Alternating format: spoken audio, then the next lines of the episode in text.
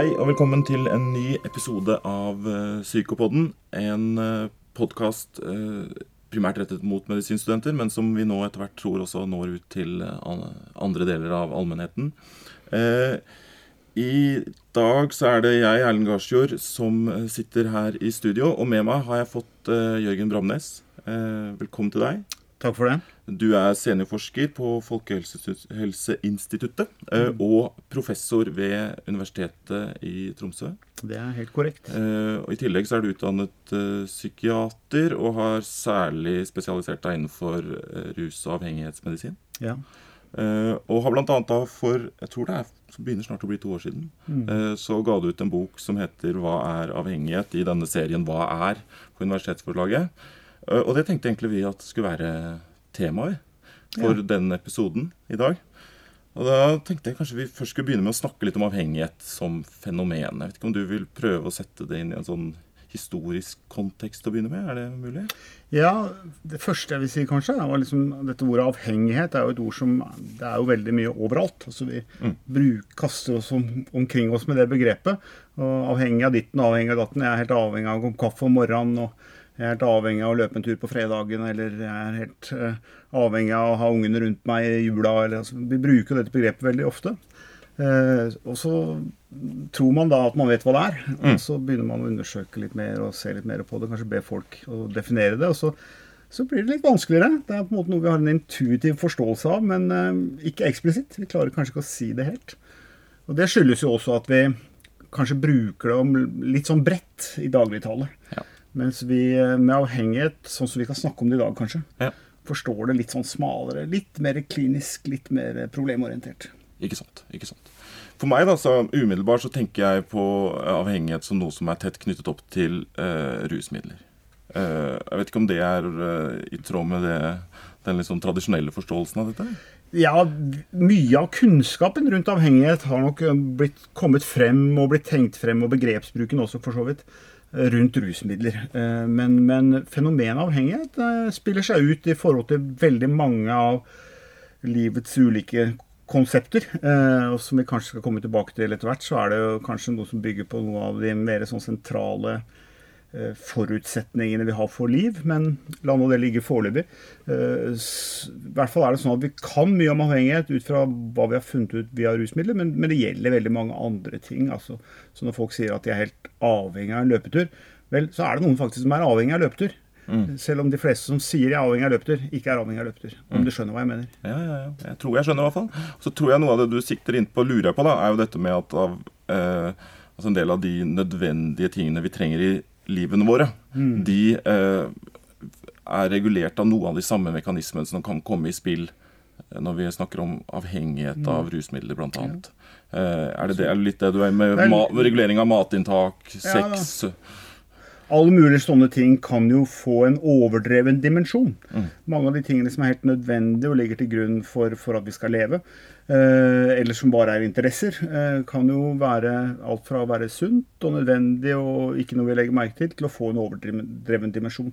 Sånn sett så er jo for så vidt avhengighet eh, ganske likt veldig mange andre psykiatriske fenomener, på den måten at eh, at eh, det er først når på en måte en atferd står ut som spesiell og blir spesielt viktig, overtar store deler av livet, det er, mm. da, det blir liksom, det er da det blir et problem. Og det er jo reflektert f.eks. I, i de diagnostiske kriteriene for avhengighet, hvor man legger vekt på eh, sånne ting som at det går utover andre ting som man vanligvis driver med i livet. Et diagnostisk kriterium som ligner ganske mye på det vi ser innenfor depresjon, f.eks. Mm. Mm. At det er funksjonspåvirkninger, funksjonspåvirkningen som, som, man vektlegger. Ja. ja, legges vekt på, blant annet.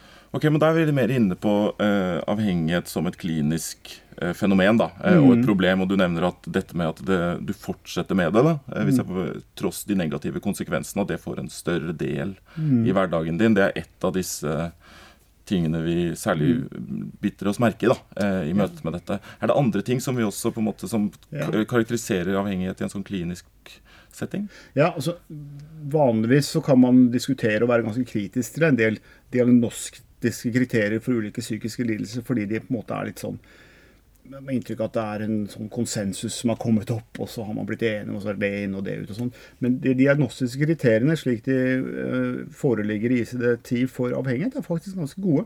De er delt inn i, i, i tre bolker. Den første er uh, i hvilken grad du har kontroll, de to første begrepene, uh, eller kriteriene. i hvilken grad du har kontroll. De to neste handler om den fysiologiske reaksjonen på, på i dette tilfellet rusmidler, da, og er mest gjeldende for dette som har med rusmidler å gjøre. At du har behov for å ta med for å oppleve samme, samme effekt, eller at du får abstinenser hvis du slutter. Og de, den tredje bolken er det vi snakket om, da, nemlig at det går utover andre ting i livet. Og så er de diagnostiske kriteriene bygget opp sånn at du må oppfylle minst tre av kriteriene mm. uh, innenfor det siste året for å få diagnosen. Og det ser man jo ganske raskt. at man denne, Det er ikke nok med den rent sånn fysiologiske reaksjonen mm. med toleranse og abstinenser. Mm, mm. Det kan man jo få i forhold til mange ting. Altså Folk som tar nesespray, eh, de, de, opplever at hvis de slutter For det første opplever de at de må ha mer og mer for at det skal ha samme effekt, og så slutter de, og så blir nesa blokktett. Så de har jo oppfylt jo to av kriteriene. Mm. Men de har ikke de andre. Det går ikke utover livet deres, og de mister ikke kontrollen. og sånn. Men, men, eh, men, eh, så kan du også få avhengighetsdiagnosen bare på de ikke-fysiologiske kriteriene.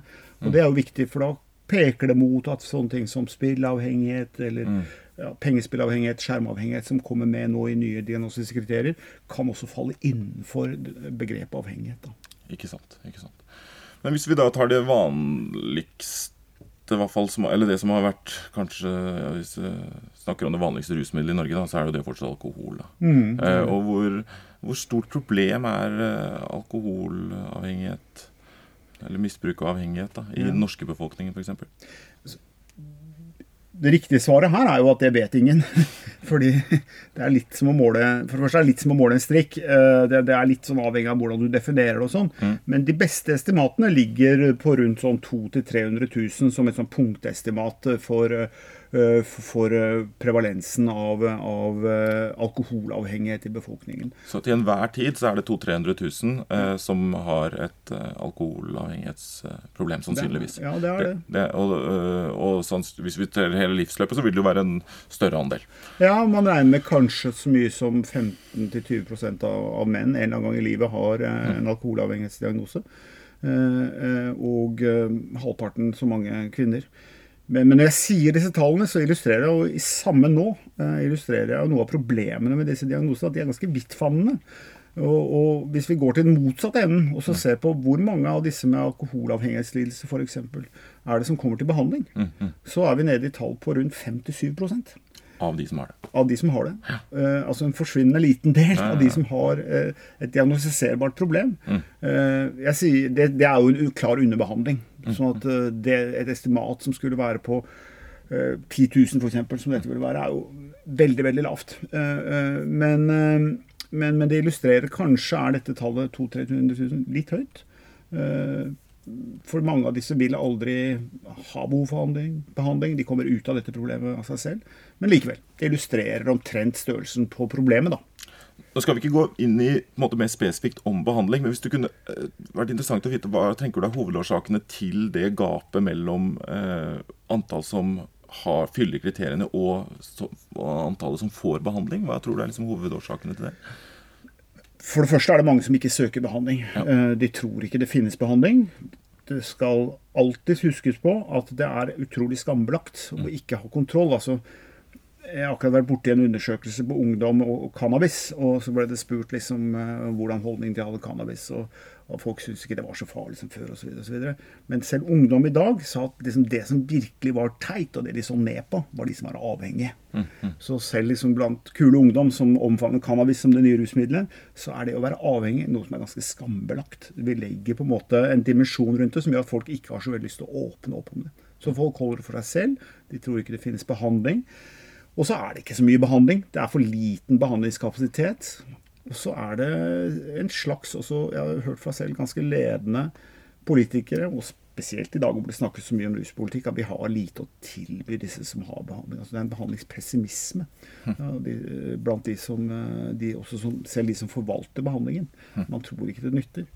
Men eh, det er jo så feil som det kan få blitt. Altså Vi har god behandling, og vi kan gi god behandling. Eh, eh, folk må komme til behandling. Og der har jo f.eks. allmennleger en kjempestor rolle ved å kunne avdekke øh, behov og gi håp. Vi skal komme tilbake til mer spesifikt rundt dette med behandling og eh, hva mm. det er som er virksomt, da, i en annen episode. Men jeg tenkte, for å føre oss litt tilbake til avhengighet som eh, fenomen, eh, Jørgen. Og først så vil jeg ta med deg inn på litt sånn Når jeg var vokst opp, og det som jeg ble fortalt, det var jo det at hvis du begynner med rusmidler eller røyker cannabis, så er på en måte veien kort. Mm. til at uh, da, da, det, da, er det på en måte slippery slope, da. Eh, mm. Det er en betydelig risiko. Altså det, og Jeg har lest boken din, og det, så har jeg skjønt at det kalles gateway-teorien, eller mm. trappetrinnsmodellen. da. Ja. Uh, kan du ikke si litt om hvor mye hold er det i den teorien? Ja. Altså, vi kan kanskje komme tilbake til det, men Gateway-teorien er en av mange sånne teorier når folk skal forsøke å forklare avhengighet. Men for å si noe spesifikt om den, da, så, så er vel kanskje dette en av teoriene som jeg nevner i boken, ikke fordi den har så veldig mye evidens, men fordi den er veldig populær. Mm. Altså, jeg, jeg, var på Folkeopplysningen for et par år siden sammen med justisministeren, eh, Anundsen på den tiden, og han sa liksom ja, Begynner du med cannabis, så er det slipper du slope, som du sier. da, Og mm. det hadde han evidens for, osv. Og, så og jeg var da inne der og sa liksom nei, hør her, det er ikke så veldig mye evidens for den. Mm. Det er en en, kanskje en av de teoriene som er mest populære, eh, til tross for manglende evidens. Mm. Eh, fordi det er ikke slik at det, er en forsvinnende liten del av de som prøver cannabis, som begynner å røyke cannabis regelmessig. En forsvinnende liten del av de som røyker det regelmessig, som går videre til andre stoffer. En forsvinnende del som går videre til den tredje og til fjerde osv. Så, videre. mm. så hvis du starter med cannabis, så ser du på en måte at eh, du, du hvis du, eller begynne på den andre enden, hvis du starter med de som er de tunge rusmisbrukerne, så ser du at de har begynt med å bruke cannabis ganske tidlig. Mm -hmm. så Sånn sett så kan det jo se ut som det er en trapp oppover dit. Men, men, men, som sagt, hvis du står på nederste trinnet og skal prøve å forklare hvorfor går folk videre til neste, så er det ikke fordi de begynte med cannabis og så fikk smaken på sterkere stoffer og så fikk smaken på sterkere ting osv. Så, videre, og så, okay. så det er liten evidens for det. Og hvis du går bakover fra cannabisen, så begynner du ikke med cannabisen. Det begynner kanskje med litt alkohol før det. Det begynner kanskje enda med litt røyk enda før det. Det begynner kanskje med dårligere barneoppdragelse eller dårlige sosiale kår osv. De som har vært noen av de største kritikerne av trappetrinnsmodellen eller gateway-teorien, sier at du får en sånn uendelig regresjon bakover. Du, mm. du, du kan ikke si når det begynte. Mm. Og samtidig, når du da kan forklare så veldig dårlig hvorfor folk går fra ett trinn til et annet, så, mm. så ligger det veldig liten forklaringskraft i, i teorien.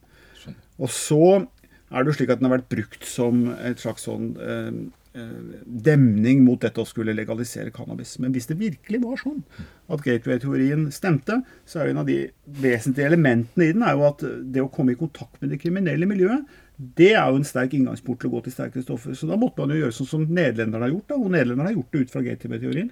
De har skilt mellom de sterke og de svake rusmidlene og sagt at vi må være milde mot de svake rusmidlene, for det hindrer folk å gå over i sterkere rusmidler. Nå vet jeg ikke hvor rett det er det nederlenderne har gjort der, men de har jo da virkelig trodd på gateway-teorien. Eh, men som sagt, jeg gjør ikke det. Det fins andre, bedre forklaringer. Jepp, og da må vi videre til det. Og, fordi, og hvis du og jeg, jeg har igjen da, ikke sant, lest boken din, og du jo, skriver jo særlig litt en del om uh, læringsteori. Mm. Uh, og så er det jo dette med, med den økte nevrobiologiske forståelsen av mm. avhengighet mm. eh, som har kommet over de siste ti årene. Mm. Jeg vet ikke om vi skal, skal vi begynne at du kan si litt om læringsteori før vi mm. går over på nevrobiologien? Eh. Nå har du plukket ut to teorier som jeg syns er interessante, og det fremgår sikkert av boken også at, at de har viet spesielt uh, stor oppmerksomhet. Uh, man kunne plukket et svært armamentarium av ulike forklaringsmodeller. og jeg skal dele litt ved det først. fordi at det er, eh, Når man ser at det er så mange tilbydere på forklaringsmodellene, og at det er mange ulike tilnærmingsmåter både fra økonomisk teori, filosofi, historie, litt religion, litt eh, pedagogikk, litt psykologi, litt nevrobiologi altså, You name it. Mm -hmm. It's there. Mm. Eh, så handler dette om at man har ikke kommet til den endelige forståelsen av hva avhengighet er. Man har ikke liksom kunnet stemple den teorien er riktig, alle de andre teoriene tar feil. Eh, det har vi opplevd med andre sykdommer. At de har gått fra å være liksom, mange spekulasjoner rundt hva dette er, til å få en endelig forståelse. Men for avhengighet er det ikke sånn. Og vi vet ikke om vi kommer til å komme dit. Eh, eh, det betyr både at vi må måtte være åpne for flere teorier, og vi må være litt sånn ydmyke i forhold til hvordan vi skjønner det. Så når jeg har vært spesielt interessert i læringsteori og nevrologi, fordi jeg syns de henger godt i hop og gir meg som medisiner en inngangsport til å forstå fenomenet avhengighet, så mm. gjør jeg ikke det for å si at de andre forståelsene. uh, tar feil, eller at jeg ikke liker dem, eller noe sånt. Men, men det er kanskje det jeg har mest sånn legning for å skjønne sjøl, da. Ok, ja. Jeg syns særlig at det hadde vært interessant å høre litt hvert fall om de, to, de teoriene. Eh, mm. Og Skal vi begynne med læringsteori? Bare si mm. raskt, hva, hva, slags relevans er det det har i forståelsen av avhengighet? Nei, altså... Øh, jeg er opptatt av avhengighet som, som, et valg. Det er ingen som står med en pistol rettet mot den avhengiges tinning og sier at 'nå tar du rusmiddelet', eh, eh, eller, så, eller, så, dør du. Samtidig, eh, og, og, og, ikke bare det eh, Folk, eh, folk syns jo de gjør ofte dumme valg sjøl. og jeg velger dette til tross for at jeg ikke liker det. Så det blir, da blir det litt sånn vanskelig. Hvordan skal man skjønne dette? at folk holder på med ting som, uh, som, de faktisk ikke liker, og som de nesten gjør sånn kompulsivt allikevel. Og Da er det kommet en del teorier rundt hvordan dette er. F.eks. dette at man har ustabilitet i preferanser. Uh, vanligvis når folk velger, så gjør de en sånn avveining mellom liksom, hvordan er det med lommeboka mi versus det jeg har lyst til å kjøpe. ikke sant? Så veier de det ene mot det andre. Og jo, nei, lysten var større enn eh, lommebokas begrensninger. Jeg kjøper det. Eller, eller dette er mitt langsiktige mål, nå jobber jeg for ditten og datten. Og så holder man på med det. Men det er jo ikke sånn at vi har samme preferanser hele tida. Det er ikke sånn at vi alltid vil det samme hele tiden. Altså Man kan ha intensjon om noe, og så kan man forandre eh, mening etter hvert. Og En av de sentrale teoriene på avhengighet er at den som er avhengig av noe, har mer ustabile preferanser enn andre.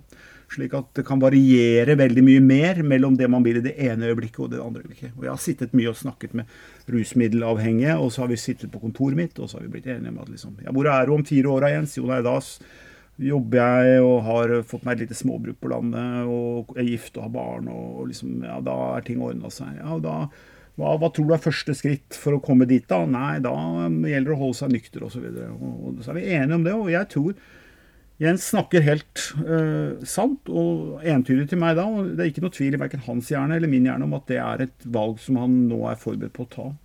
Og Så kommer han tilbake om en time uke etter, og så, så viser det seg at han sprakk det øyeblikket han gikk ut av kontoret. For da traff han en kamerat ned på hjørnet som spurte mm. om han ikke ville ha noe, og så, og så gjorde han det. Og så, så, forsvant det litt lenger langsiktige målet.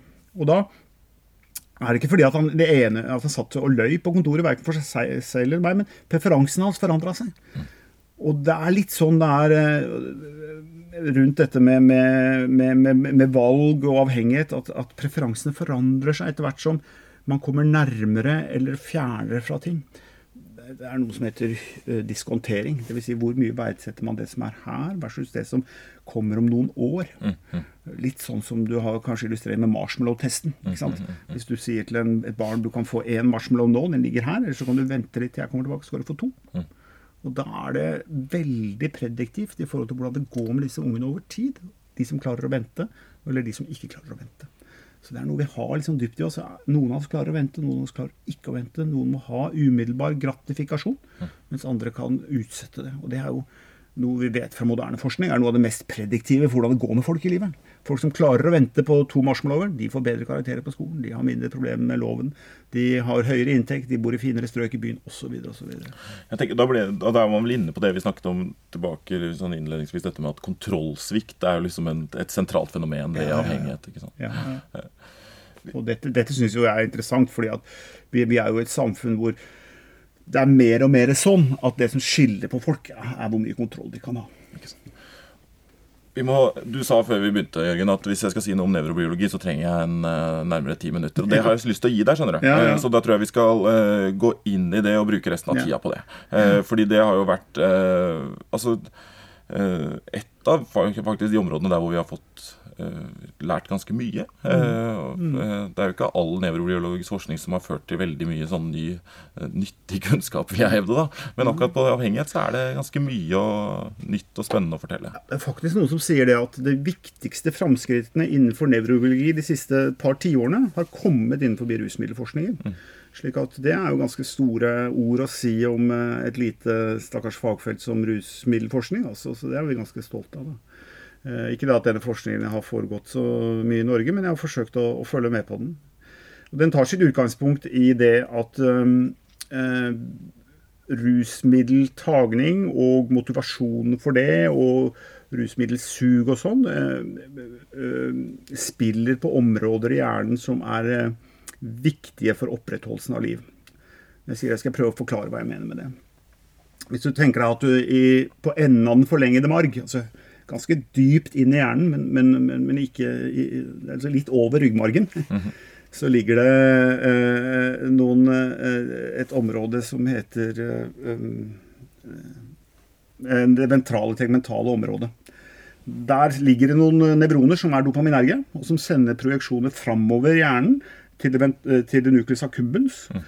Og også videre framover mot prefrontal cortex og, og, striatum og andre deler fremover i hjernen. Mm. Det at det ligger så dypt i hjernen, forteller oss jo, og det kan jo medisinerne, forteller oss at dette er på en måte ting som vi har med oss gjennom øh, si, utviklingen av liv på jorden fra ganske langt tilbake. Mm. Og hva er det disse banene, hvorfor, hvorfor, har vi de? Vi har jo ikke de for vi skal bruke rusmidler. Mm.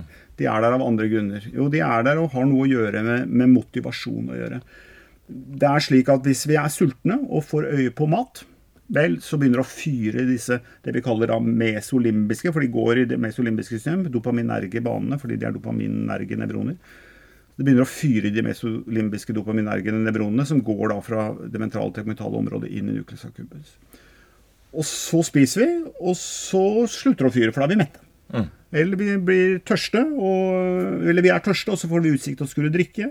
Eller vi eh, er unge og kåte og ser eh, en vi kan pare oss med, så begynner å fyre de banene. Eller når vi har fått barn og vi hører et barn skrike, så får vi begynner å fyre de banene når vi er, merker at nå kan vi ta opp barn og trøste. Så alle de tingene som kommer høyt i motivasjonen vår, og som egentlig er en slags sånn eh, nødvendighet for opprettholdelse av liv. Ikke sant? Du legger merke til alle de tingene jeg forklarte. Det er jo ting som har å gjøre med hva er det som får oss som rase til å kunne opprettholde livet. Mm. Jo, det er at vi spiser, og vi formerer oss, og, og vi tar vare på avkommet vårt. Så alle disse tingene er vi motiverte for å holde på med, fordi ved utsikten til å kunne oppfylle denne handlingen, vel så fyrer de det mest olympiske dopaminergebanene. Mm. Og her kommer rusmidlene inn. Eller alle ting man kan bli avhengig av. Eller alle ting som på en måte får et, en avhengighetskomponent, egentlig. Mm. kommer og spiller på dette systemet. Og det er noen som sier jøss, det var jo rart at de skulle spille inn akkurat da. Nei, så sier jeg, det er ikke rart, for er, kausaliteten er motsatt. Du blir ikke avhengig om de ikke kan spille inn i dette systemet. Mm. Uh, og det har vi da sett for altså Denne forskningen begynte med amfetaminforskning og kokainforskning. Det var fordi spesielt kokain var et lett tilgjengelig rusmiddel i USA, og mange brukte det. og Så mye av denne kunnskapen kommer for, fra det. Men både kokain og andre sentralstimulerende midler, men også opiater, alkohol, sedativer, cannabis. Men også ting som spilleavhengighet og, og for så vidt eh, tvangsspising, som vi kalte det i gamle dager, eller overspisingsatferd. Eller nesten en hvilken som helst ting som har avhengighetskomponenter ved seg, kan få det til å fyre i dette systemet her. Mm. Og det forklarer jo litt grann, altså Amerikanerne kaller det hijacking. Det forklarer litt grann hvorfor disse system, eh, rusmidlene eller avhengighetsatferdene kan komme og ta over for annen atferd. Og forklarer jo da altså de første kriteriene vi snakket om i begynnelsen for avhengighet. da. Så, så, de går inn, og vi blir veldig motivert for å ta disse. Eh, mm. men det er jo også, når det ruser seg, så er det jo også noe at det, det er jo noe i hvert fall Hvis man tar det i litt begrensede mengder, da, så gir det jo også en uh, velbehagsfølelse. Mm. En, annen sånn, uh, mm. en annen belønning, da. Uh, og Kan du ikke si noe om det også? For det er vel også noe som dette systemet sørger for? Ja, det, sørger, det, er, det er, en del av dette systemet også. Men, men, noe av det som er viktig å få med seg når man snakker om dette, er at egentlig så er det to reaksjoner på dette her. Ja, ja, det første er på en måte hvilken motivasjon motivasjon man har. Altså det amerikanerne kaller 'wanting', hvor man vil dette. Det andre er det som amerikanerne kaller 'liking', eller hvilken belønningseffekt det er. Og, og, det er klart det er jo to sånne effekter da, som du antyder nå, av det å innta rusmidler for en som er avhengig. Det ene er på en måte den tilfredsstillelsen det gjør, hvor godt det er, hvor deilig det er. Og det andre er denne her betydningen det får. Denne wanting, denne tingen. Og, og eh, hvor godt det er, og hvor stor forsterkende effekt det er, det spiller også på andre deler av hjernen. og har å gjøre med andre nevrotransmittorer, også enn dopamin f.eks. Så spiller endogene opioider og sånne ting veldig mye inn i det. Også serotonin spiller inn i det. Men, men, som jeg sier, det er to prosesser da, som foregår, og de foregår litt sånn i parallell. Og hvis man tenker i forlengelsen av det, så er det litt sånn at hvis du snakker med folk da, som har tatt rusmidler eh, mange ganger, så opplever de at jeg må fylle på, som jeg sa, Det er en toleranseelement. sa jeg i stad. Du fyller, må fylle på med litt mer for hver gang. og Det ser vi også i det nevrobiologiske svaret. at liking, eller hvor godt det er, mm. den eh, effekten den blir lavere og lavere jo flere ganger du inntar rusmidlene. Men når vi prøver å måle motivasjon, som vi også kan gjøre, så ser vi at det er akkurat motsatt utvikling. Det øker og øker og øker motivasjonen for å innta rusmidler jo flere ganger du inntar rusmidler. Så der får du ikke en toleranseutvikling, men en sensitisering. Hm. Det er jo litt trist, da. Altså sånn eh, ja, altså hvis du har altså, Belønningen, da, den går mm. ned, men den der, det at du liksom må ha det, den, den, bare, den blir egentlig bare høyere og høyere. Ja, og det, så du blir bare, et, du er slave av, av, det etter hvert, da. Ja, og jeg, det sa jeg jo litt sånn i begynnelsen. Jeg sa at folk kan jo ta å være avhengig av rusmidler og ikke synes det er noe godt engang. Og Hvis du snakker med en garva røyker, så kan du spørre ham hvorfor han røyker. Mm. Han røyker ikke fordi det er så godt, men det fordi det gjør godt. Mm. Han røyker fordi han kan forfølge sin avhengighet, ikke fordi at det er en deilig greie når han holder på med det. Og det vil gjelde veldig mange som holder på med rusmidler. At etter hvert så er det å oppfylle avhengigheten og ikke få en så veldig stor belønningseffekt. Men så er det det og det må man huske på, for det er jo også sånn legevitenskapelig litt viktig, at hvis man stopper å innta rusmidler, så reverseres toleransen. Det er det mange som glemmer, og det er en av hovedforklaringene på uh, at vi f.eks. har så mange overdosedødsfall i Norge. Det ser vi jo spesielt etter at folk blir skrevet ut fra institusjoner eller slipper ut av fengsel f.eks.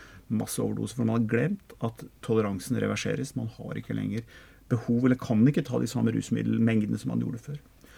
Så toleransen reverseres, men, og her kommer krukset sensitiseringen, den reverseres ikke.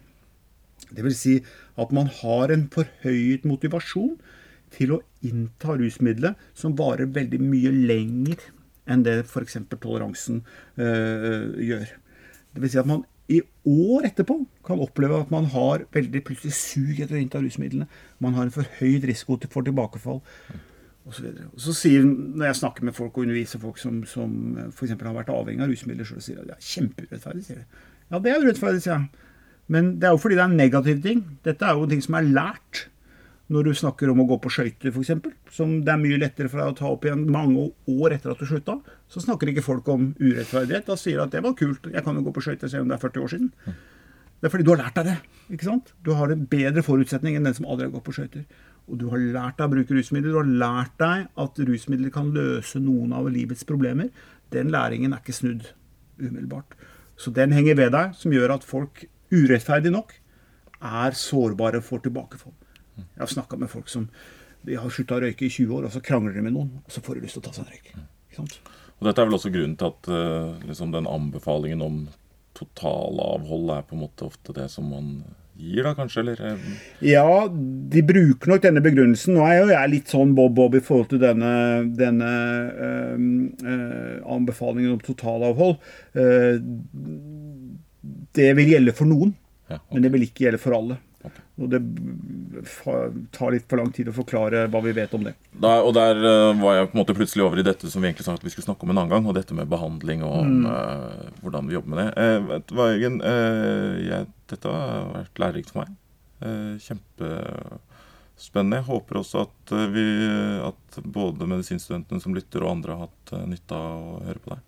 Jeg kan jo tillegge da, at uh, selvsagt driver jeg jo reklame for boka, det, ja. videre, men det er nå så. Uh, dette ligger også ute som Den er også mulig å laste ned som lydbok, faktisk. Og den ligger også, mye av dette som jeg har sagt nå, ligger ute som uh, forelesninger, gratis, videobaserte og powerpoint-nedlastbare på det som heter roptv.no. Der kan man få disse forelesningene og få repetert noe av det jeg har sagt nå. Rop-TV er forresten en veldig fin uh, læringskilde som, uh, ja, som, jeg har brukt en del. Uh, hvor du deltar, men også en del andre har jeg sett. Det Mange, det ligger hundrevis av videoer der. Masse videoer ute. kjempebra. Og også internasjonale størrelser som dere har hatt på besøk. Sånn jeg har lagt merke til. Så det, har vært, det er veldig bra at du nevner. Det har vi ikke nevnt før, tror jeg. Uh, og Boka heter da 'Hva er avhengighet?' Uh, den får du vel på Akademika eller på en nærmeste nettbutikk et eller annet sted. Ja, da, det tror jeg skulle gå bra. Du, Jørgen, takk for at du kom, uh, og kanskje velkommen tilbake til meg. Ja. Tusen takk for det. Ja, ha det. Ha det bra. Ja. En siste ting. Herregud, det var en lite knips. Eh, det var fordi at vi har jo en, eh, noen som står for teknikken her. Og det er eh, Morten Skoglund, som er teknisk ansvarlig. Og han holder til på seksjon for medisinsk informatikk ved Universitetet i Oslo. Og stor takk til deg også, Morten. Ok, til neste gang.